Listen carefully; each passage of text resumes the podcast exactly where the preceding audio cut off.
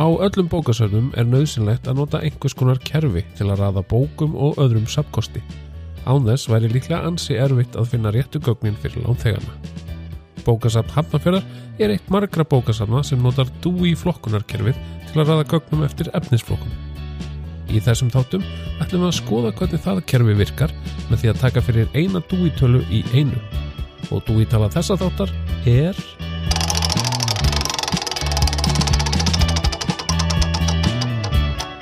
Núl núl 1,943 Í fyrstu þáttunum í þessari þáttaröð hef ég farið yfir ímsa áhugaverða efnisflokka. Við byrjuðum í 100 flokknum, svo fórum við í 400 flokkin, þá 300 flokkin og svo allarleið upp í 700 flokkin. En hvað með flokk sem ekki er í hundraði og jafnvel ekki neitt í tugasætinu heldur? Hvað með nullin? Flokkurinn sem er með null í hundraðsætinu er almenn þekking.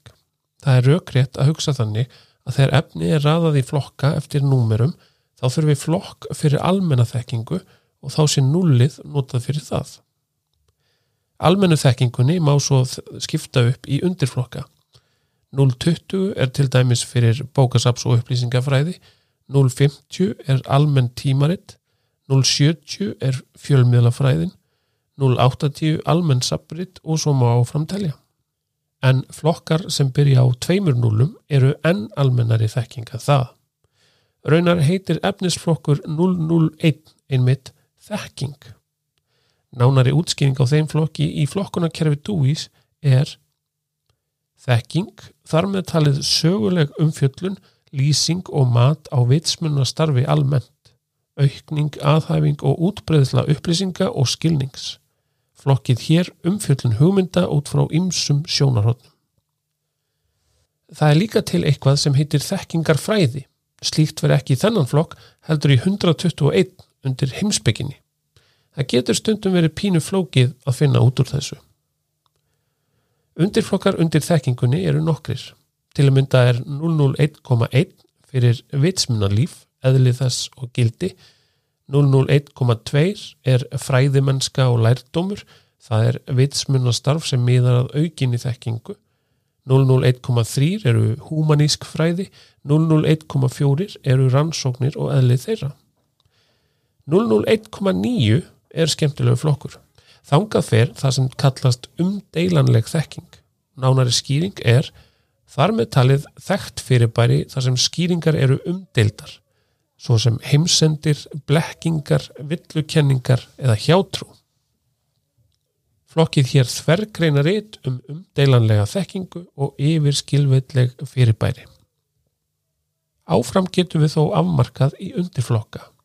001,94 er fyrir ráðgátur, frásagnir af óutskýrðum og óstaðfestum fyrirbærum. Það er til dæmis átt við góðsögnina um borgina Atlantis, Bermuda þrýhetningin og krafta píramíta. Þarna fara líka kraftar utan jörðsviðs sem hafa áhrif á jörðina en verða ekki stjarnfræðilega skýrðir. 001,942 er undirflokkur þess sem fjallar eingöngu um fljúandi förðulhuti. Það sem á ennsku er skamstofað sem UFO.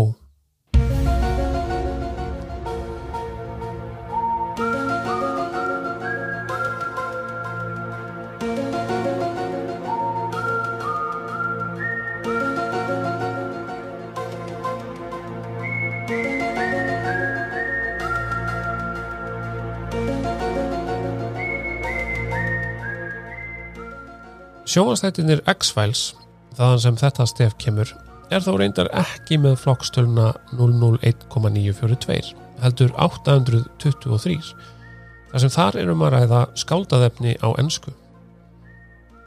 Frá því að mannkinnið hóf að skrásetja hugsanir sínar og sögu, hafa fundist frásagnir af óutskýranlegum atbyrðum sem tengjast himninum. Sumt af því flokkast undir fljúandi fyrir hluti, en hafa bara í huga að það sem eitt sinn þótti óútskýranlegt mætti mjög líklega að finna fræðilegar og vísindilegar útskýringar á í dag. Þannig hafa margir komið með kenningar á lýsingum sjónarvota sem rýma við kenningar nútímans í hinnum ymsu fræðum. En oft eru engar augljósar útskýringar á hvað er í gangi. Það getur þó verið vegna þess að nánari sannanir á hvað gerðist eða betri lýsingar á atbyrðum skortir. Þá er gott að hafa flokk eins og þennan, þar sem umdeilanleg þekking og ráðgátur eiga sér sinn stað. Við á bókasafni Hafnarferðar eigum bækur um fljúandi förðurhluti. Ég fann þrjár bækur sem tingist þessum efnisflokk. Tvær þeirra eru eftir erlendahöfunda og ein eftir íslenskan. Alla bækurnar eru þó á íslensku hjá okkur. Fyrst má nefna Samneiti eftir Whitley Strieber sem er frá árinu 1989 og síðan kom UFO, fljúandi förðurhlutir eftir Einar Yngva Magnússon út árið 1994. Ég ætla hins vegar að sækja þriðju bókina sem við eigum. Bókin er á annari hæðinni eins og flestar fræði bækunar okkar svo ég ætla að skjóta mér þongað. Á er ég komin á aðra hæð. Mm. Núl flokkarnir eru hérna bara þegar maður kemur strax hérna inn, þá, þá inn í sali þá er það hægri hönd og það er nú margt áhugaverðið á tölvunafræði forritun. Svo er, er svona fróðleikur svona bækur eins og þóttu ótrúlega sí og fánýtur, fánýtur þjóðleikur fróðleikur og bók sem heitir Bla Bla þetta er svona skemmtilegt, svo eru líka þjóðminjar bækur og svo byrjar heimsbyggin hérna líka. Og hérna efst er er, er 001 flokkurinn og það er svona bækur eins og í ljósi vísindanna og gerðsemar guðana uh, förður veraldar eftir Arthur C. Clarke sem er, er áhugaverð bók bók sem heitir Hið óþekta sem er geggjaður titill. Svo eru UFO bækunarina og, og, og bók sem heitir Gestir utan úr geimnum eftir Preston Dennett og ég ætla að kíkja þess betur á hana upp í best að skjóta sér þangað aftur Þá er ég komin aftur inn í rafrýmið á bókasafninu og með bókina fyrir framann mig. Aftan á bókinni segir um höfund Preston Dennett stundar rannsóknir á fljúandi förðurhlutum. Hann hefur annast sjómarstætti um efnið og skrifað fjölda bóka og greina um það. Ég ætla að lesa smá brot úr bókinni. Ég grýp hérna niður á blaðsíu 62 í kabla sem heitir Nótt hinna fljúandi förðurhluta. Í þeim kabla segir maður sem vil láta kalla sig J. Broman frá því þegar hann sá ítrekað fljúandi fyrir hluti nótt eina í september 1978 þegar hann var 18 ára gammal.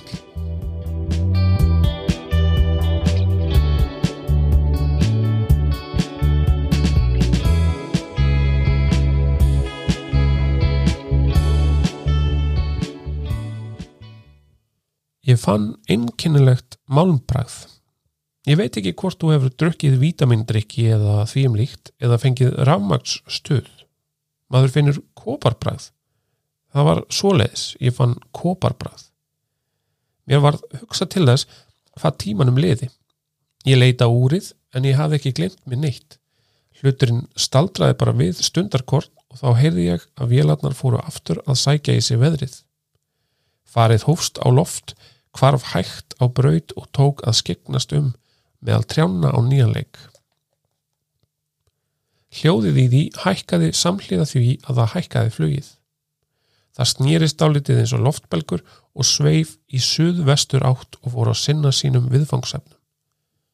Það var kvítt ljós á því, eins konar kastljós sem fjall á trén, eins og þegar verið að leitað ánamöðkum með einhverju slíku. Það var sannlega fyrðulegt, svo fjallaðist það og maður misti sjónar á því vegna trjána. Jay var agdofa, hluturinn var svo stór og ljósinn undur fögur. Hvað svo sem þetta var? Jay var agdofa, hluturinn var svo stór og ljósinn undur fögur.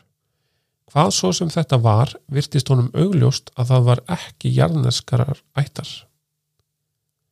Jafnvel málmurinn í þessu faratæki síndist af öðru tægi en við erum vön. Jay myndi það í smáatriðum. Þessi hlutur var bygg svartur, kolbygg svartur, eins og tómið. En ekki má gleima að svæðið var óupplýst með öllu. Eins og ég sagði áttaði ég mig ekki svo vel á umtaki þessa faratækis. Ég veitti því miklu meiri aðtikli að stjörnunar hurfu. Þannig var því að var í upphafi. Það var eins og ætlast væri til að ég færi út úr pallbílnum svo hægt væri að skanna mig og svo var mér sleft.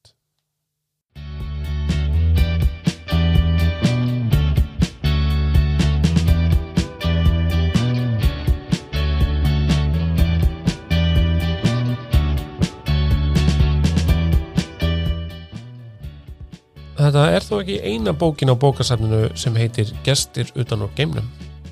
Hinn æfinlega vinsæli Ævar Þór Benediktsson gaf árið 2017 út bók með þetta sama heiti í rítröðinni um Bernskubregg Ævars vísindamanns. Sú bók er með öðrum bókum um Ævar vísindamann á barnadeild sapsins.